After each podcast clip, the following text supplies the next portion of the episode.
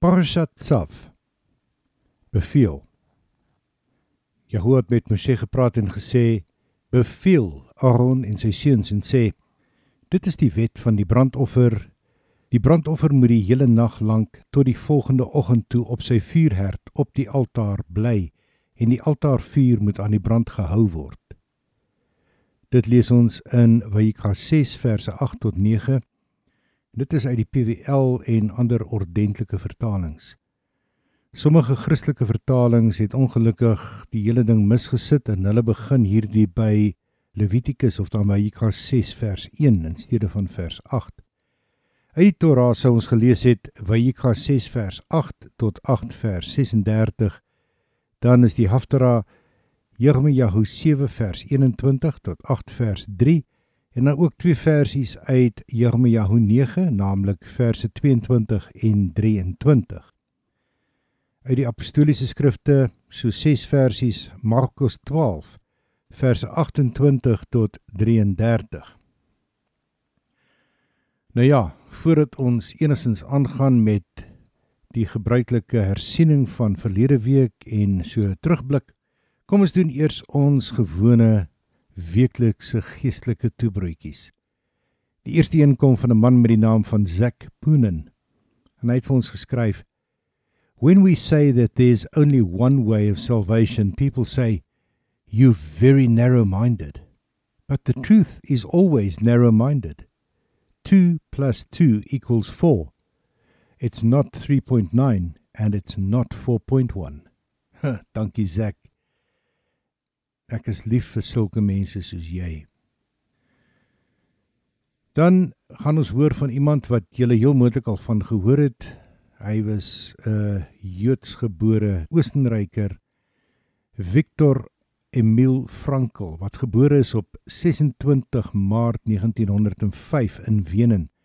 Hy was die middelste van 3 kinders en hy het reeds in sy vroeë lewe 'n neiging gehad tot sielkunde. As 'n tiener het hy selfs met Sigmund Freud korrespondeer vir toestemming om een van sy artikels te te publiseer. En hy het homself later dan ook toegespits op die redes vir tieners selfmoord en neurologie. Sy eerste vrou is dood in 'n konsentrasiekamp kort nadat sy geboorte sou gegee het aan 'n dogtertjie wat toe ongelukkig ook dood is. En hy is toe met 'n tweede vrou getroud wat ongelukkig vir hom 'n praktiserende katoliek was, maar hulle het mekaar se geloofs-oortuigings respekteer deur beide kerk en sinagoge by te woon sowel as as Kersfees en Hanukkah te vier. Ek kan nie glo dit kan werk nie, maar nou ja. Frankel is 'n oorlewende van die Joodse volksmoord van destyds en hy het dan op 2 September 1997 gesterf aan hartversaking. Sy toebroodjie is live as if you were living a second time and as though you had acted wrongly the first time. Ja, dit kan baie baie waar wees. Dan 'n man wat julle ook sal ken of bekend klink, miskien in julle ore, Jimmy Dean. Akteur. Hy het gesê, "I can't change the direction of the wind, but I can surely adjust my sails to reach my destination." Iemand met die naam van Thomas Watson wat vir ons sê, "If God be our God, he will give us peace in trouble. When there is a storm without, he will make peace within. The world can create trouble in peace, but God can create peace in trouble. Ja. En dan die laaste enetjie van 'n Suid-Afrikaans gebore man met die naam van Andrew Murray. Ons het so rukkie terug bietjie oor hom te praat gehad. Hy het vir ons gesê The link between redemption and holiness is obedience. Is dit nie die wagwoord wat God wil hê? Ons moet op ons lippe en ook in ons verstand wil in emosie dra nie. Nou ja, kom ons gaan kyk bietjie na verlede week se Torah gedeelte. Want toe het ons begin met die derde boek, naamlik Vayikra of dan Levitikus. En ons het gesien die fokus van hierdie boek handel oor afgesonderdheid of heiligmaking waarvan die sleutelteks in hoofstuk 11 vers 45 gesien kan word. want ek is Jahoua wat julle uit die land van Mitsraim uitgebring het om julle God te wees. Julle moet daarom afgesonderd wees omdat ek afgesonderd is. Die boek van Jekra begin met die instruksies en onderrig aangaande die vyf offerandes. Hierdie is belangrike agtergrond om hierdie week se verdere instruksies en onderrig van die doel en dan ook die betekenis van die verskillende offerandes te kan verstaan, as ook om die geestelike toepassing daarvan te kan verstaan soos dit op die nuwe of dan die hernuide verbond eintlik betrekking het. Tydens vorige kommentaar het ons genoem dat Jode, dit wil sê eintlik meer Judaïsme, hulle kinders se onderrig begin in Torah op 5 jaar, meestal die seuns, en dat hulle dan begin met onderrig in Vayikra.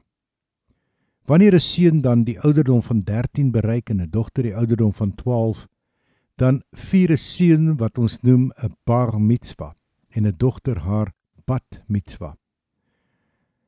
By hierdie geleentheid word bevestig dat die kind die ouderdom bereik het waar hy of sy persoonlik die verantwoordelikheid neem om volgens Torah te leef. Die letterlike betekenis van bar mitzwa is seun, dit wil sê die bar wat eintlik 'n Arameese woord is van die opdrag, seun van die opdrag. En dan bat mitzwa is die dogter van die opdrag. Bat is ook 'n Arameese woord terloops. Die woord mitzwa en die meervoud het julle al gehoor mitzvot is afgelei van die woord tsav of tsava as die wortelwoord en dit beteken opdragte en dit is die riglyne vir 'n Torah gehoorsame lewenstyl. Mitzvot bevat dan ook die gedagte van goeie dade waarna Yeshua vir ons verwys in Matteus 5 vers 19 wanneer hy sê enige een wat daarom aan een van die minste van hierdie mitzvot, hierdie opdragte ongehoorsaam is en ander so leer, sal die minste genoem word in die koninkryk van die hemel. Maar elkeen wat dit doen en leer, hy sal groot genoem word in die koninkryk van die hemel. Volgens Judaïsme is daar altesaam 613 opdragte of mitzvot wat gesamentlik dan as Jahoua se Torah, dit wil sê sy onderrig en instruksies bekend staan. Van hierdie 613 is 248 positiewe opdragte, naamlik dinge wat gedoen moet word, soos eer jou vader en jou moeder en 365 van hulle is negatiewe opdragte, naamlik dinge wat nie gedoen word nie, moet word nie, soos jy mag nie steel nie. Sommige opdragte bevat baie detail en dit laat duidelik geen twyfel oor hoe om daardie opdragte uit te voer nie. Ander opdragte is weer slegs soos riglyne waarvolgens gehandel moet word. Die Hebreëus vir die numeriese waarde van 613 is Taryag en dit word gespel Tav Resh Yod en Gimel. En wanneer ons na hierdie getalle kyk, Tav is 400, Resh is 200, Yod is 10 en Gimel is 3 en ons tel dit bymekaar dan kry ons 613. Ons plaas dan ook op ons webwerf 'n skakel vir 'n lys van hierdie 613 mitzvot. Dit is ongelooflik interessant om deur dit te lees. Hierdie 613 mitzvot is almal in Torah te vind. Geen een word uit die duim gesuig soos moderne Judaïsme baie dinge doen nie. Die Hebreëse woord halacha of halakha soos die Engelse dit mag uitspreek word dikwels in Judaïsme gebruik en beteken letterlik die pad wat 'n individu wandel, naamlik verwysend na 'n leefstyl, 'n leefwyse van absolute Torah gehoorsaamheid wat aangevul en ondersteun word deur rabbynse wette en Joodse gebruike soos wat dit uiteengesit word in die Talmud. Dikwels word ook verkeerdelik na die Halakha verwys as Joodse wette, maar eintlik is dit Vader God se wette. Elk van hierdie 613 opdragte is nie op elke individu van toepassing nie. Sommige was slegs aan die lewiete gegee, ander weer net aan vrouens en ander weer net aan mans. En dan is daar ook opdragte wat slegs betrekking gehad het op diegene wat in die land van Jesrael woon. Dit is ook belangrik om te verstaan dat Torah gehoorsaamheid en liefde hand aan hand loop. Hoor wat sê Yeshua vir ons in Johannes 15 verse 9 en 10. Soos die Vader my liefgehad het, het ek julle ook liefgehad. Bly in hierdie liefde van my. As julle my gebooie bewaar, sal julle in my liefde bly. Net soos ek die gebooie van my Vader bewaar en in sy liefde bly. Nou ja, soos ons in die vorige parasha geleer het, was die oorhoofse doel van die offerandes om die individu se status te verander van onrein of tamay na rein of dan tahor. Die individu wat geoffer het, was reeds 'n gelowige. Hy was al reeds 'n bekeerling as ons dit so kan stel. Maar sonde of dan die oortreding van Torah het die verhouding met Jahoua versteur, versuur, verbreek in sekere opsigte en daarom was herstel of dan vergifnis nodig geweest. Die offerandes was die wyse van herstel. Dit wil sê vergifnis en verzoening en die wyse ook hoe om weer nader te beweeg of dan terug te beweeg tot Jahoua. Die offerandes is op die brandofferaltaar in die binnehof geoffer. Maar die bedoeling was om die gelowige tot in die teenwoordigheid van Jahoua te bring. Hierdie week sien ons dan in Parashat Tzav die voortsetting van hierdie onderrig en instruksies. Maar ek dink voordat ons daarby uitkom, kom ons bepeins op 'n spreek gou-gou een punt. Na wedergeboorte moet jy en ek ook as dit ware 'n bar mitzwa of dan dalk 'n bat mitzwa ondergaan. Naamlik om persoonlik die verantwoordelikheid te aanvaar om streng volgens Torah te leef geloof in Yeshua tot redding en bekering. Dit wil sê Teshuvah waarvan ons ook al van tevore gepraat het wat beteken terugdraai na Torah. Dit wil sê terugdraai na God se lewenstyl gaan hand aan hand. Is dit wat die Christendom vir gelowiges leer?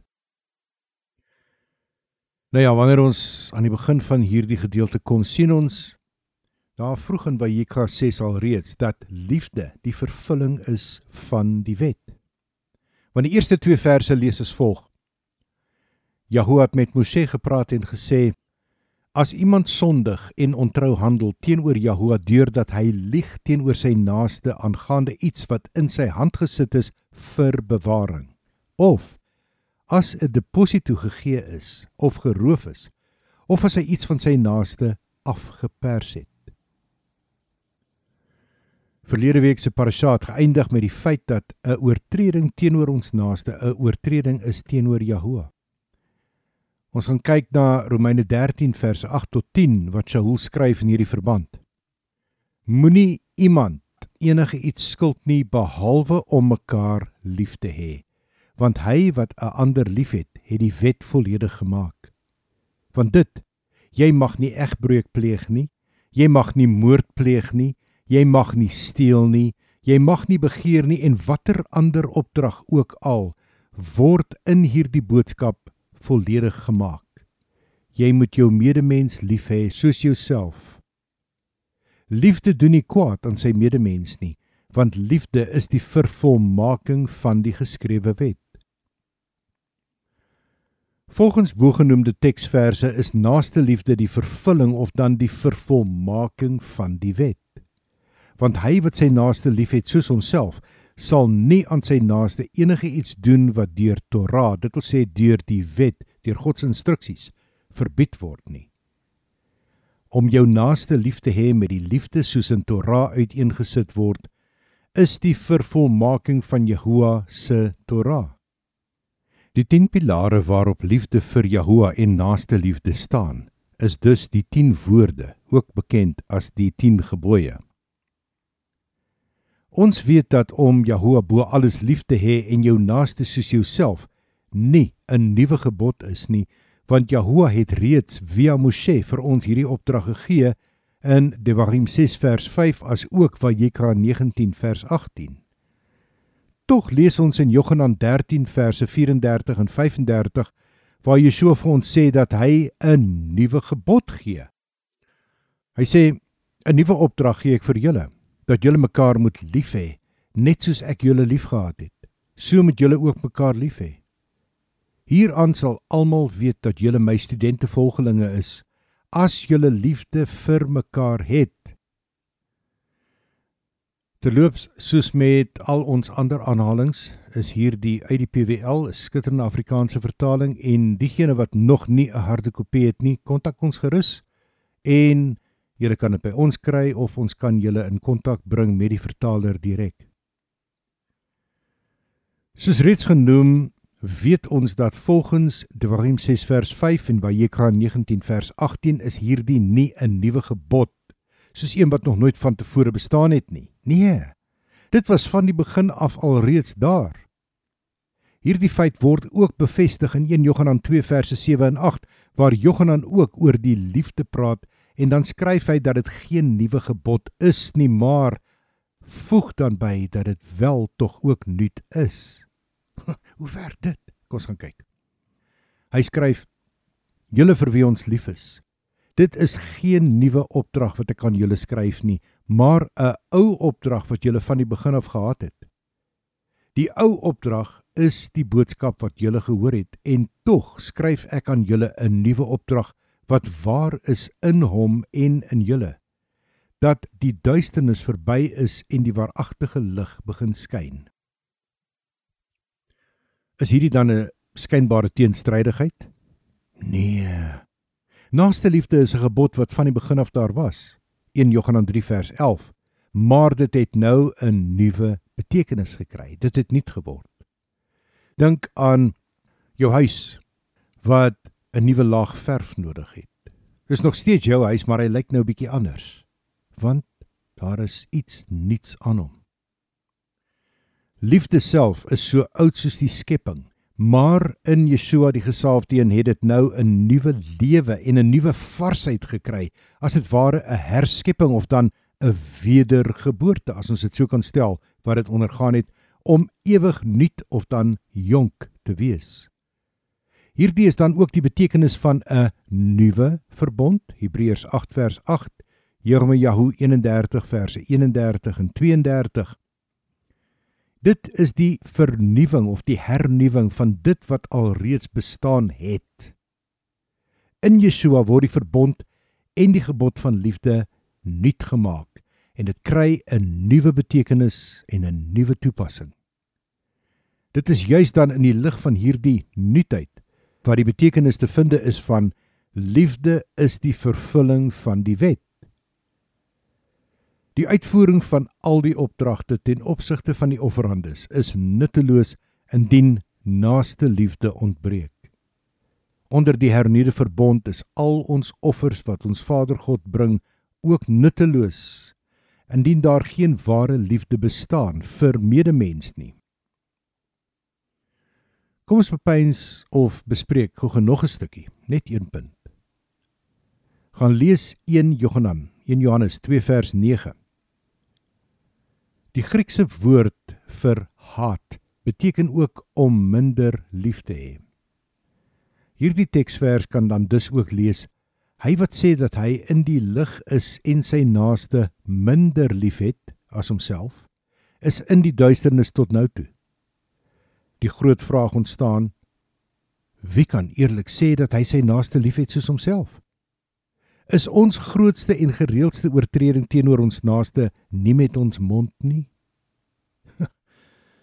ja, ons gaan ook die sonde van lashonara, dit wil sê kwaadspraak, in latere parashot bietjie meer volledig behandel en bespreek. Iemand wat net bekend is as Chadwick het vir ons geskryf You cannot tell the truth about people you don't like and therefore the first duty you owe them is silence. Ja, en dit laat ons dink aan die liedjie van die Four Seasons destyds wat gesê het silence is golden. Hoeveel keer in jou lewe is dit nie waar nie? Wat jy eerder jou tong bewaar as om 'n antwoord te gee. Miskien het julle ook al gehoor dat sommige mense praat van 'n verandering van die wet. So kom ons gaan kyk hoe waar dit is. Die doel en dan ook die toepassing van die offerandes onder die hernuide verbond word wyd gedebatteer. 'n Algemene siening is dat alle offerandes van die ou verbond vir ewig opgehef is omrede Yeshua die eenmalige offerande was. Is hierdie siening egter korrek? Hierdie vraag is geregverdig in die lig daarvan dat die tempel wat in Jegeskel Esegiel beskryf word nog nooit gebou is nie. En dit is dus 'n profetiese toekomsverwysing. Indien hierdie tempel gebou word, is die vraag dan of daar weer offers gebring gaan word. En dan ook nog 'n vraag is of ons gehoorsaam gaan wees aan Vader God indien hy weer offers van ons vra. Hiermee saam nog 'n vraag wat ons rol gaan wees as koninklike priesterdom. Die skrifte verklaar dat ons as wedergebore kinders van Jahoua 'n koninklike priesterdom en 'n afgesonderde volk is. Jy kan dit gaan sien in 1 Kefa of 1 Petrus 2 vers 9 want dit verwys ook na Shmot Exodus 19 vers 6 Volgens Torah weet ons dat die priesters uit die stam van Lewi gekom het. Beteken dit dan nou dat ons Lewiete gaan word? Nee, want met die folterdood en opstanding van Yeshua het daar 'n verandering in die wet of dan in die Torah gekom. Ek wil hê julle moet saam met my gaan kyk. Net so 9 verse Hebreërs 7. Slaan gou-gou Hebreërs 7 na vanaf vers 11 en lees saam met my. Daarom as daar dan volledige afhandeling deur die Levitiese priesterskap was, want met die oog daarop het die mense die geskrewe wet ontvang. Waarom was dit nog nodig dat 'n ander nie-Levitiese priester moes opstaan volgens die beeld van Melkisedek? Sê dit dat hy volgens die beeld van Aaron sal wees? Net soos daar 'n verandering in die priesterskap gekom het, Net so was daar 'n verandering in die reëls, want hy van wie hierdie dinge gesê word, behoort aan 'n ander stam waaruit niemand nog ooit by die altaar bedien het nie. Want dit is bekend dat ons meester vanuit Jehuda opgegroei het, 'n stam waarvan Moshe niks aangaande die priesterskap gesê het nie. Nog baie duideliker is dit dat hy sê dat 'n ander nie-Levitiese priester volgens die beeld van Malkitsedek opstaan. Hy wat dit nie was volgens die wet van opdragte na die liggaamlike nie, maar deur die krag van lewe wat nie vernietig word nie, want hy getuig aangaande hom. U is 'n nie-Levitiese priester vir ewig volgens die beeld van Malkitsedek want daar was eers 'n verandering aan die orde weens die onvermoë daarvan en dat daar geen voordeel in was nie want die geskrewe wet het niks tot die doel gebring nie maar 'n versekerde verwagting het in sy plek ingekom waarin ons tot God nader wat beter is as dit. Ja ons sien eerstens dat dit baie belangrik is om daarop te let dat die verandering in die wet of dan die Torah slegs ten opsigte van die priesterorde was. Daar is weggedoen met die priesterskap volgens Aaron en die priesterskap volgens Melkisedek het dan in die plek daarvan gekom. Yeshua is nou die ewige hoëpriester volgens die voorbeeld en priesterorde van Melkisedek. Soos die priesters onder die ou verbond deur natuurlike geboorte dit wil sê nasate van Aaron priesters geword het so word ons deur wedergeboorte priesters van die hernuide verbond onder die hoë priesterskap van Yeshua. Met die verandering in priesterskap het daar ook 'n verandering in die offerandes gekom want Yeshua die gesalfde een is die eenmalige offer wat gebring was. Die tipe offers en die wyse wat ons offer het dus ook verander maar ons moet die doel en betekenis van die offers onder die ou verbond verstaan en toepas om sodoende aanvaarbare offers onder die hernuide verbond te kan bring. As individue en as gemeente is ons nou die tempel. Let daarop die res van die wet, die res van Torah het nie verander nie. Ons lees in skrif van die hernuide verbond onder meer van die volgende offers wat ons nou moet bring. Romeine 12 verse 1 en 2 lees ons: My liggaam is deel van die offers wat ons nou bring. Efesiërs 5 vers 2 sê vir ons: Bring 'n liefdesoffer. Filippense 2 vers 17 staan daar iets van 'n drankoffer. En dan in Hebreërs 13 verse 15 en 16 'n lofoffer en 'n offer van weldadigheid en mededeelsaamheid. Ag asseblief mense leer tog vir hierdie Suid-Afrikaners iets van mededeelsaamheid. Ons kan egter slegs hierdie offers verstaan in die lig van die doel en die betekenis van die verskillende offerandes soos in Wahika beskryf word. En dan voor ons nou verder gaan, kom ons bespreek of bepeins nog so 3 punte. Punt nommer 1. Hoekom het die offerandes gestop?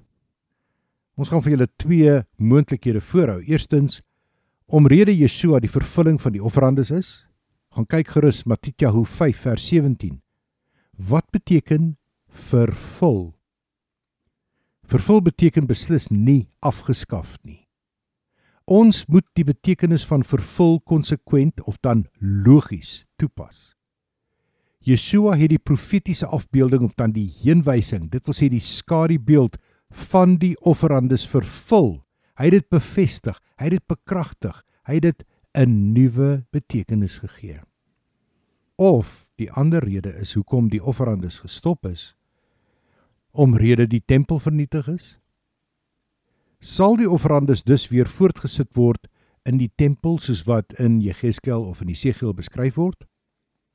Ons sien die offerandes is nie meer 'n heenwysing van toekomstige gebeure nie, maar dit is nou 'n herinnering van wat Yeshua gedoen het.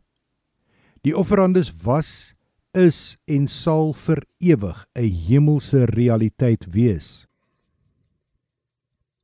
Punt nommer 2.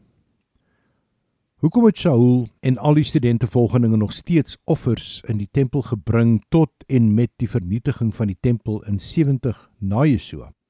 Soos wat ons sien in Handelinge 21 vers 26. Hoekom het dit nie vir hulle afbreek gedoen aan Yeshua se offer nie? Hoekom gaan daar weer offers wees gedurende die millennium? Ons lees dit dan in Jegeskel, Jesegiel 43 vers 18. En dan die belangrikste van alles. Hoekom dra dit alles oënskynlik Jahoua se goedkeuring weg? Kyk ons dalk hierdie feit mis. Yeshua is tog die lam van God wat reeds voor die grondlegging van die wêreld geslag was en dit word weer 'n keer vir ons bevestig in Openbaring 13 vers 8. Punt nommer 3. Gaan ons almal as priesters toegang hê tot die heiligdom van Jegeskel se tempel? Gaan daar steeds 'n voorhangsel of dan 'n gordyn wees wat die afgesonderde en die mees afgesonderde skei? Ja, kom ons gaan kyk bietjie na die vuur van die brandofferaltaar soos wat ons lees in Wyka 6 verse 9 en 14. Beveel Aaron sy seuns en sê dit is die wet van die brandoffer. Die brandoffer moet die hele nag lank tot die oggend toe op sy vuurherd op die altaar bly en die altaarvuur moet aan die brand gehou word. Vuur moet altyd deur op die altaar brand. Dit mag nie doodgaan nie. Die vuur op die brandofferaltaar moes brandend gehou word. Hierdie vuur is deur Jahoua self aan die brand gesteek soos wat ons sien in Wyka 9 vers 24. Dit was die vuur wat die sondeskuld verteer het en die bewys was van vergifnis en verzoening. Geen nuwe vuur kon en moes gemaak word nie, want dit sou dan vreemde vuur wees. Volgens oorlewering het hierdie vuur van die brandofferaltaar brandend gebly tot en met die Babiloniese gevangenskap.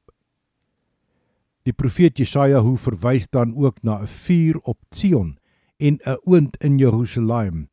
Wat ons sien in hoofstuk 31 vers 9 waar daar geskryf is: Hy sal bly in sy rotsagtige blyplekke en sy prinses sal oorwin word voor die banier, verklaar Jahoua, wie se vuur in Sion is en wie se vuuroond in Jerusalem is.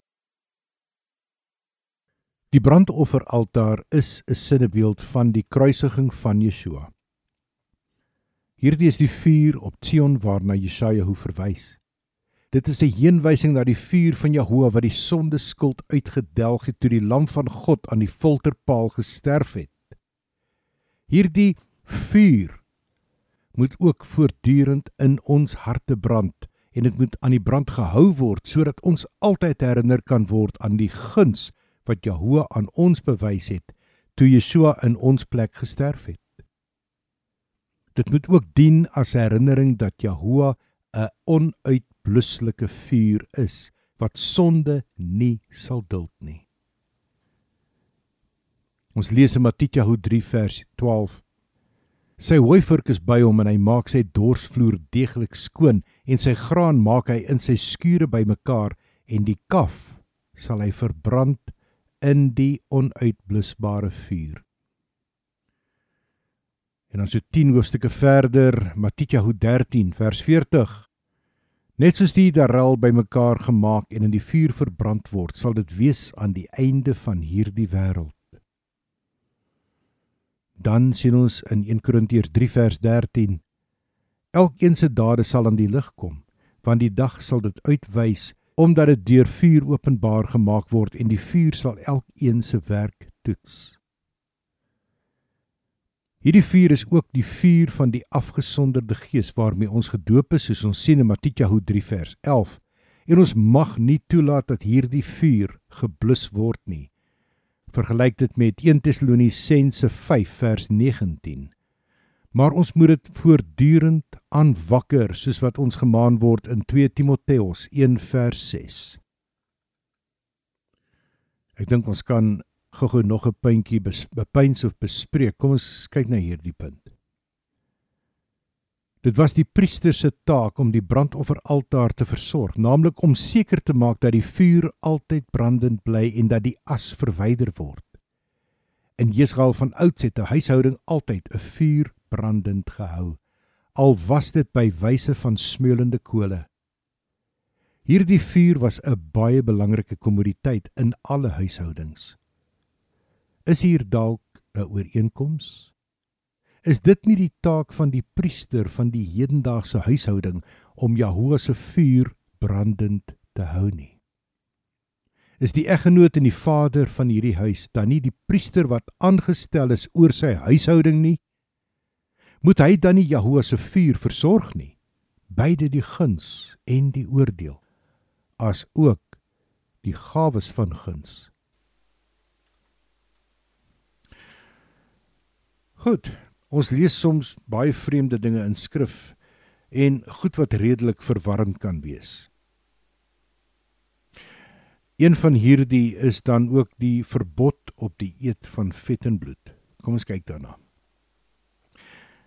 Ons sien 'n opdrag in Vayikra 7 verse 22 tot 27 om geen vet en bloed te eet nie.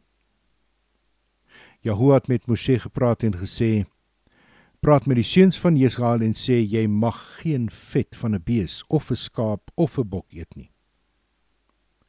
Die vet van diere wat natuurlik dood is en die vet van diere wat verskeur is, kan vir enige werk gebruik word, maar jy mag niks daarvan eet nie.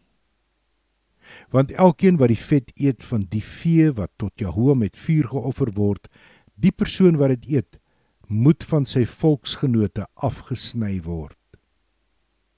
Julle mag ook geen bloed van voëls of van vee in enige een van julle blyplekke eet nie. Enige persoon wat enige bloed eet, die moet van sy volksgenote afgesny word. Nou so dan rakende die verbod op die eet van vet, ons sal net nou kyk na bloed.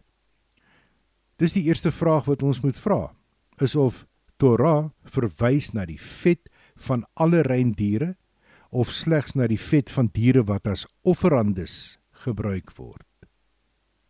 Wanneer ons gaan kyk na Vayikra 7 vers 23, verwys dit slegs na die vet van 'n bees of 'n skaap of 'n bok en dus slegs na die diere wat as offerande gebruik word. Dit kan dus algemeen aanvaar word dat die vet van ander reindiere wel geëet mag word behalwe die vet van enige reindier wat 'n natuurlike dood gesterf het of verskeur is. Soos wat ons sien in Vaikra 7 vers 24 net die volgende vers. Tweedens moet ons onsself afvra of Vaikra 7 vers 23 die verbod op eet van vet verwys na al die vet of slegs na die vet soos in Vayika 7 verse 3 en 4 beskryf word waar dit vir ons sê hy moet al die vet daarvan offer die vetstert die vet wat die binnegoed bedek die twee niere en die vet daarop wat aan die lendene is en die vetlap aan die lewer moet hy saam met die niere verwyder Aangaande die vredesoffer of ook bekend as die dankoffer lees ons dan in Vayeka 3 verse 14 tot 16 die volgende. Hy moet sy offer as offer van vuur tot Jahoua daarvan bring. Die vet wat die binnegoed bedek en al die vet wat aan die binnegoed is. Die twee niere en die vet wat daarop is aan die lendene en die vetlap aan die lewer. Hy moet saam met die niere uh, uh, moet hy saam met die niere verwyder en die priester moet dit op die altaar in rook laat opgaan as kos in 'n offer tot 'n aangename geur. Al die vet behoort aan Jahoua. Dit word algemeen verstaan dat die vet wat verbode was om te eet slegs na die vet verwys, soos dit wat in Vayikra 3 verse 14 tot 16 en dan Vayikra 7 verse 3 tot 4 beskryf word. Die ander liggaamsvet van die beeste, skape en bokke mag wel geëet word. Hierdie siening word onder meer bevestig in Devarim 32 verse 12 tot 14 in die lied van Moshe waar ons aangaande Israel die volgende lees. Jahoua alleen het hom gelei en daar was geen vreemde god by hom nie. Hy het hom laat ry op die hoë plekke van die aarde en hy het die opbrengs van die veld geëet.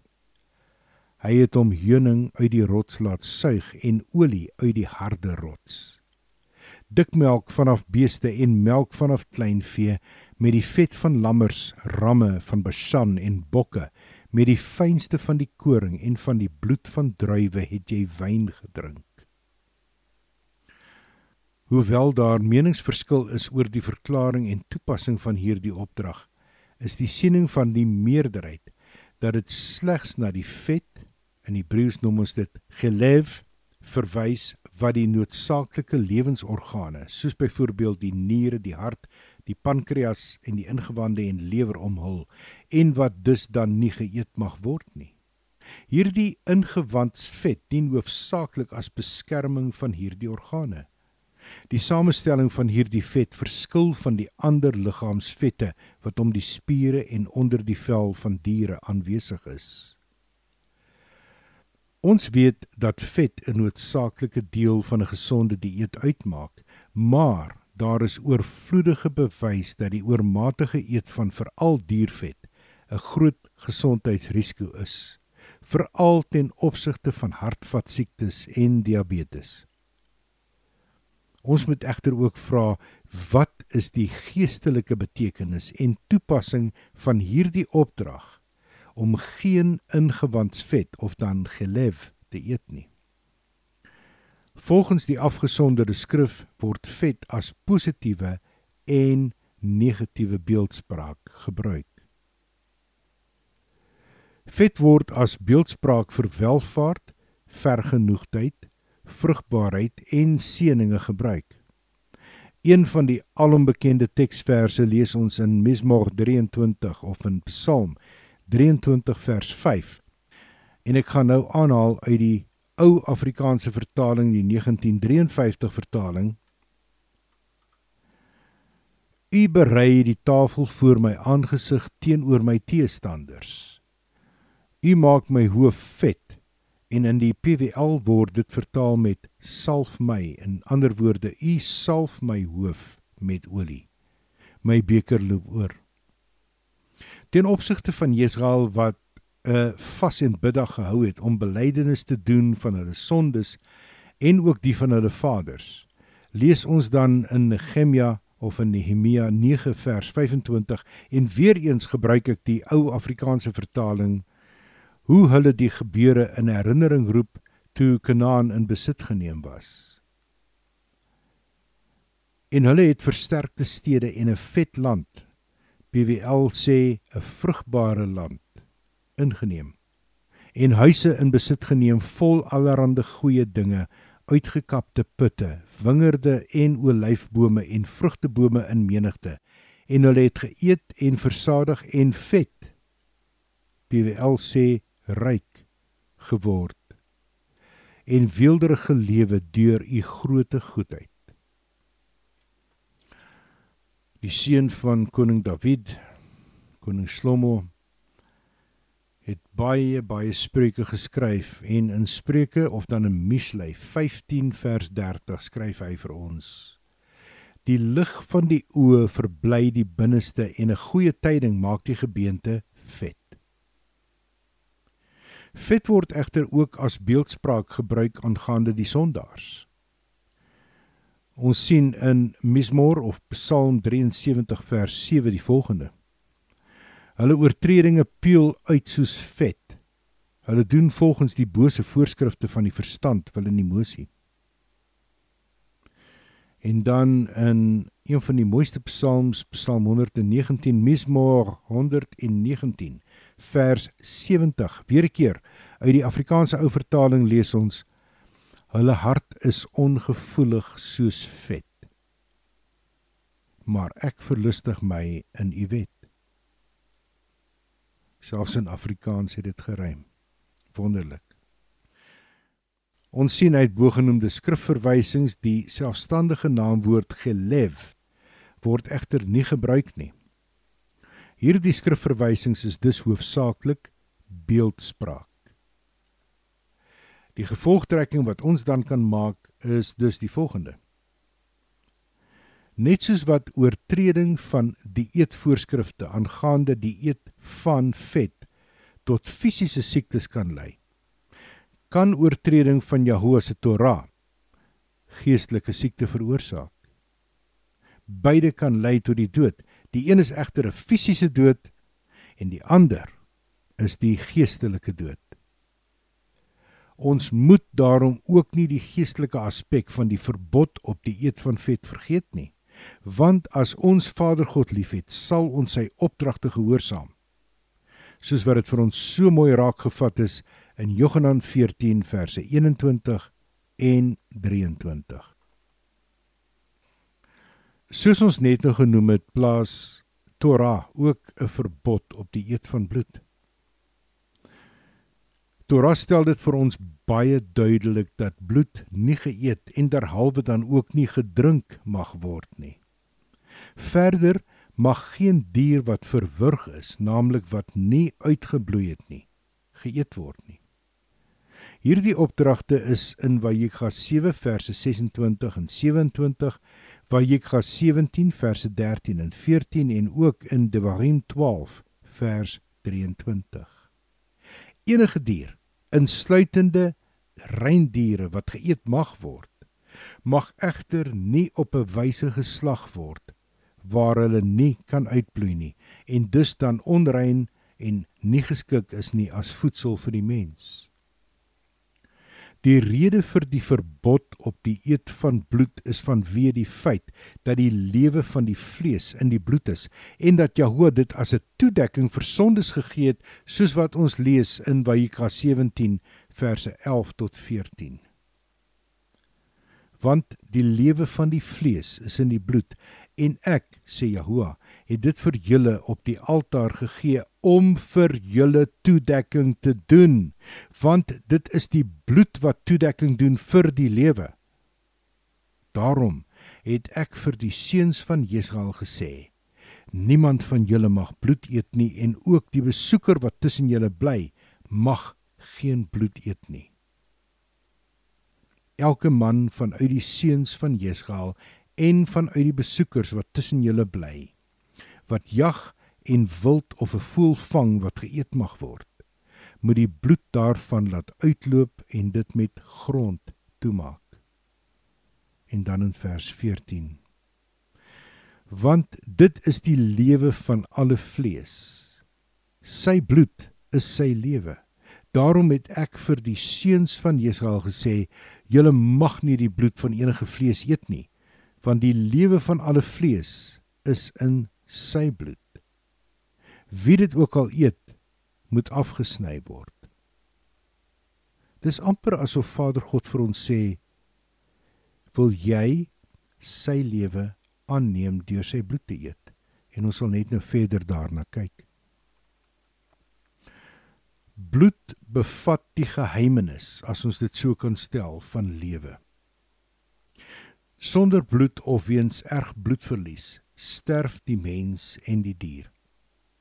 Sonder bloed kan die mens en die dier nie 'n lewende siel of in die Hebreëus dan die woord nefesh soos ons sien in Bereshit 2 vers 7 wees nie.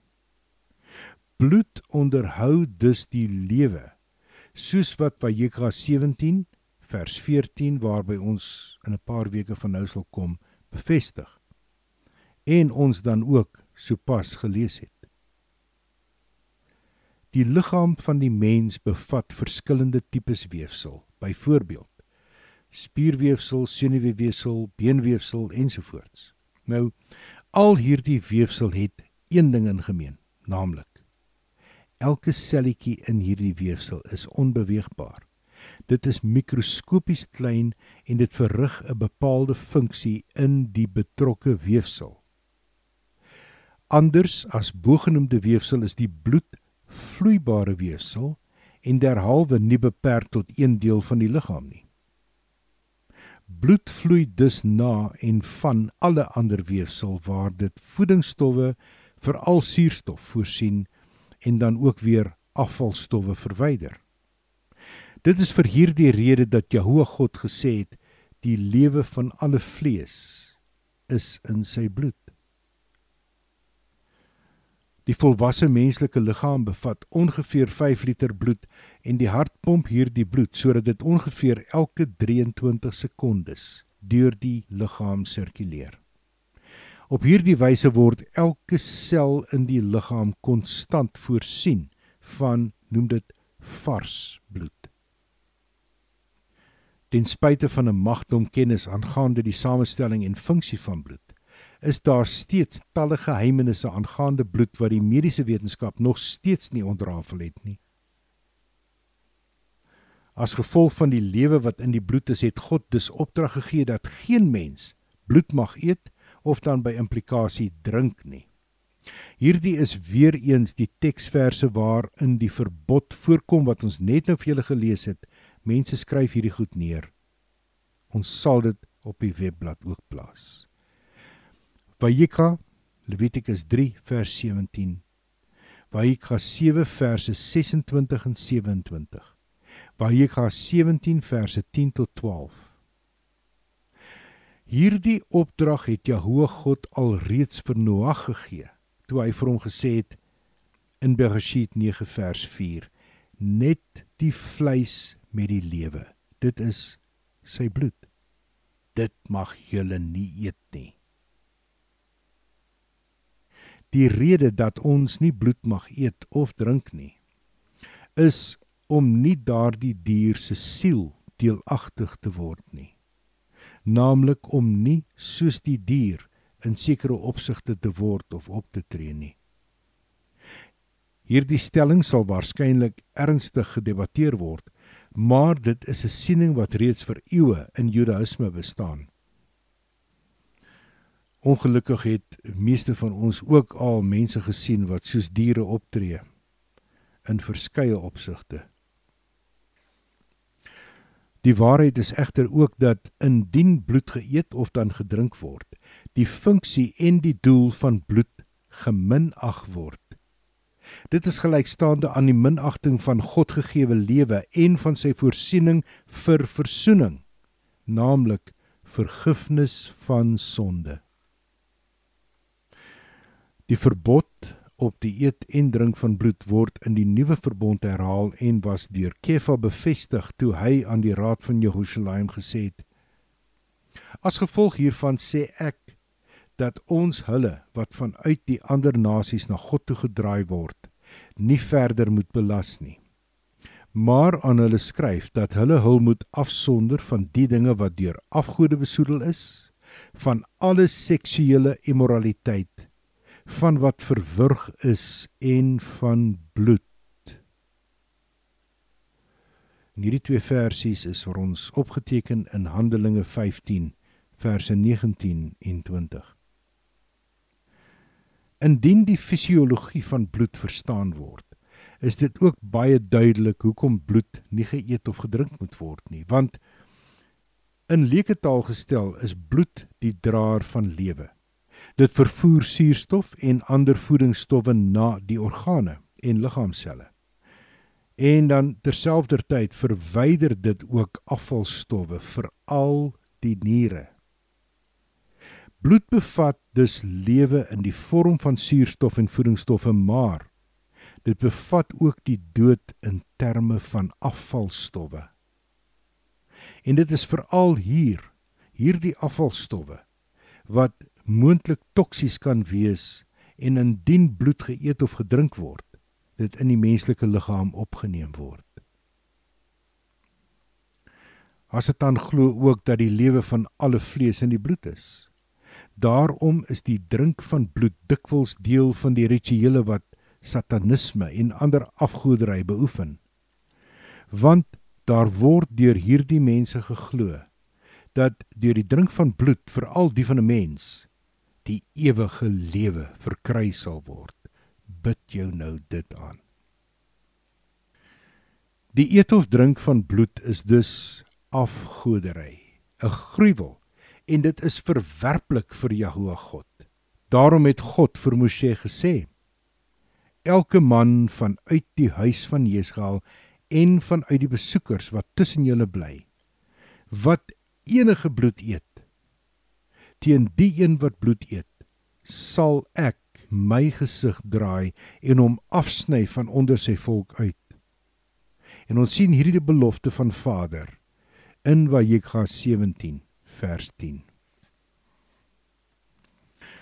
Om af te sluit, kom ons bespreek of bepeins weer oor twee puntjies. Die eerste is die verbod op die eet van bloed vereis dat diere op 'n spesifieke wyse geslag word wat die maksimum dreinering van bloed verseker en wat slegs kan geskied deur die dier se keel af te sny. In Hebreë staan dit bekend as shechita.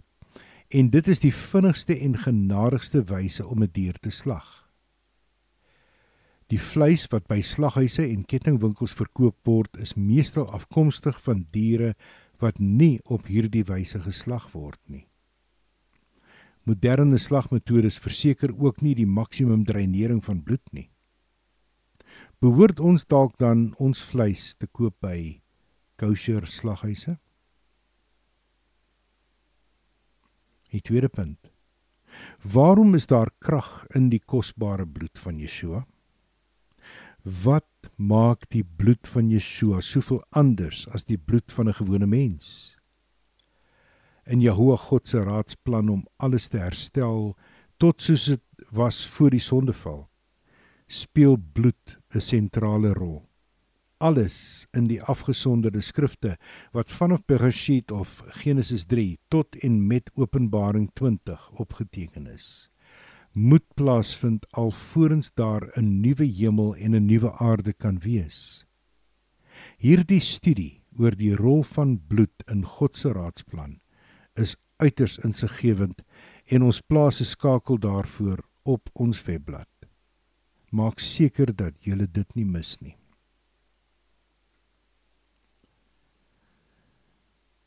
Ja, ons het ons aan die einde gekom van Parashat Tzav. Kom ons raak stil voor ons Skepper God. Aan U Vader kom al die lof en die eer toe en elke stukkie dankbaarheid wat ons as mens bymekaar mag skraap. Ons dankie vir 'n wonderlike Sabbat. Ons dankie vir die rustigheid wat U in elkeen van ons plaas. Juis om te vergeet van wat in die vorige week gebeur het en nie te bekommer oor wat in die nuwe week gaan gebeur nie.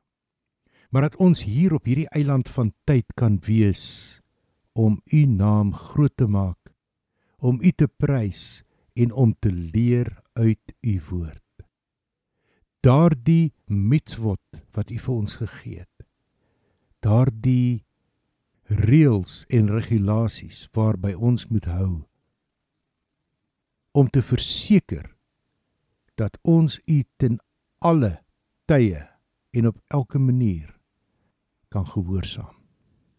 Want dit is al wat u vir ons vra, is daardie gehoorsaamheid, soos wat ons net nou ook gehoor het in die toebroodjie.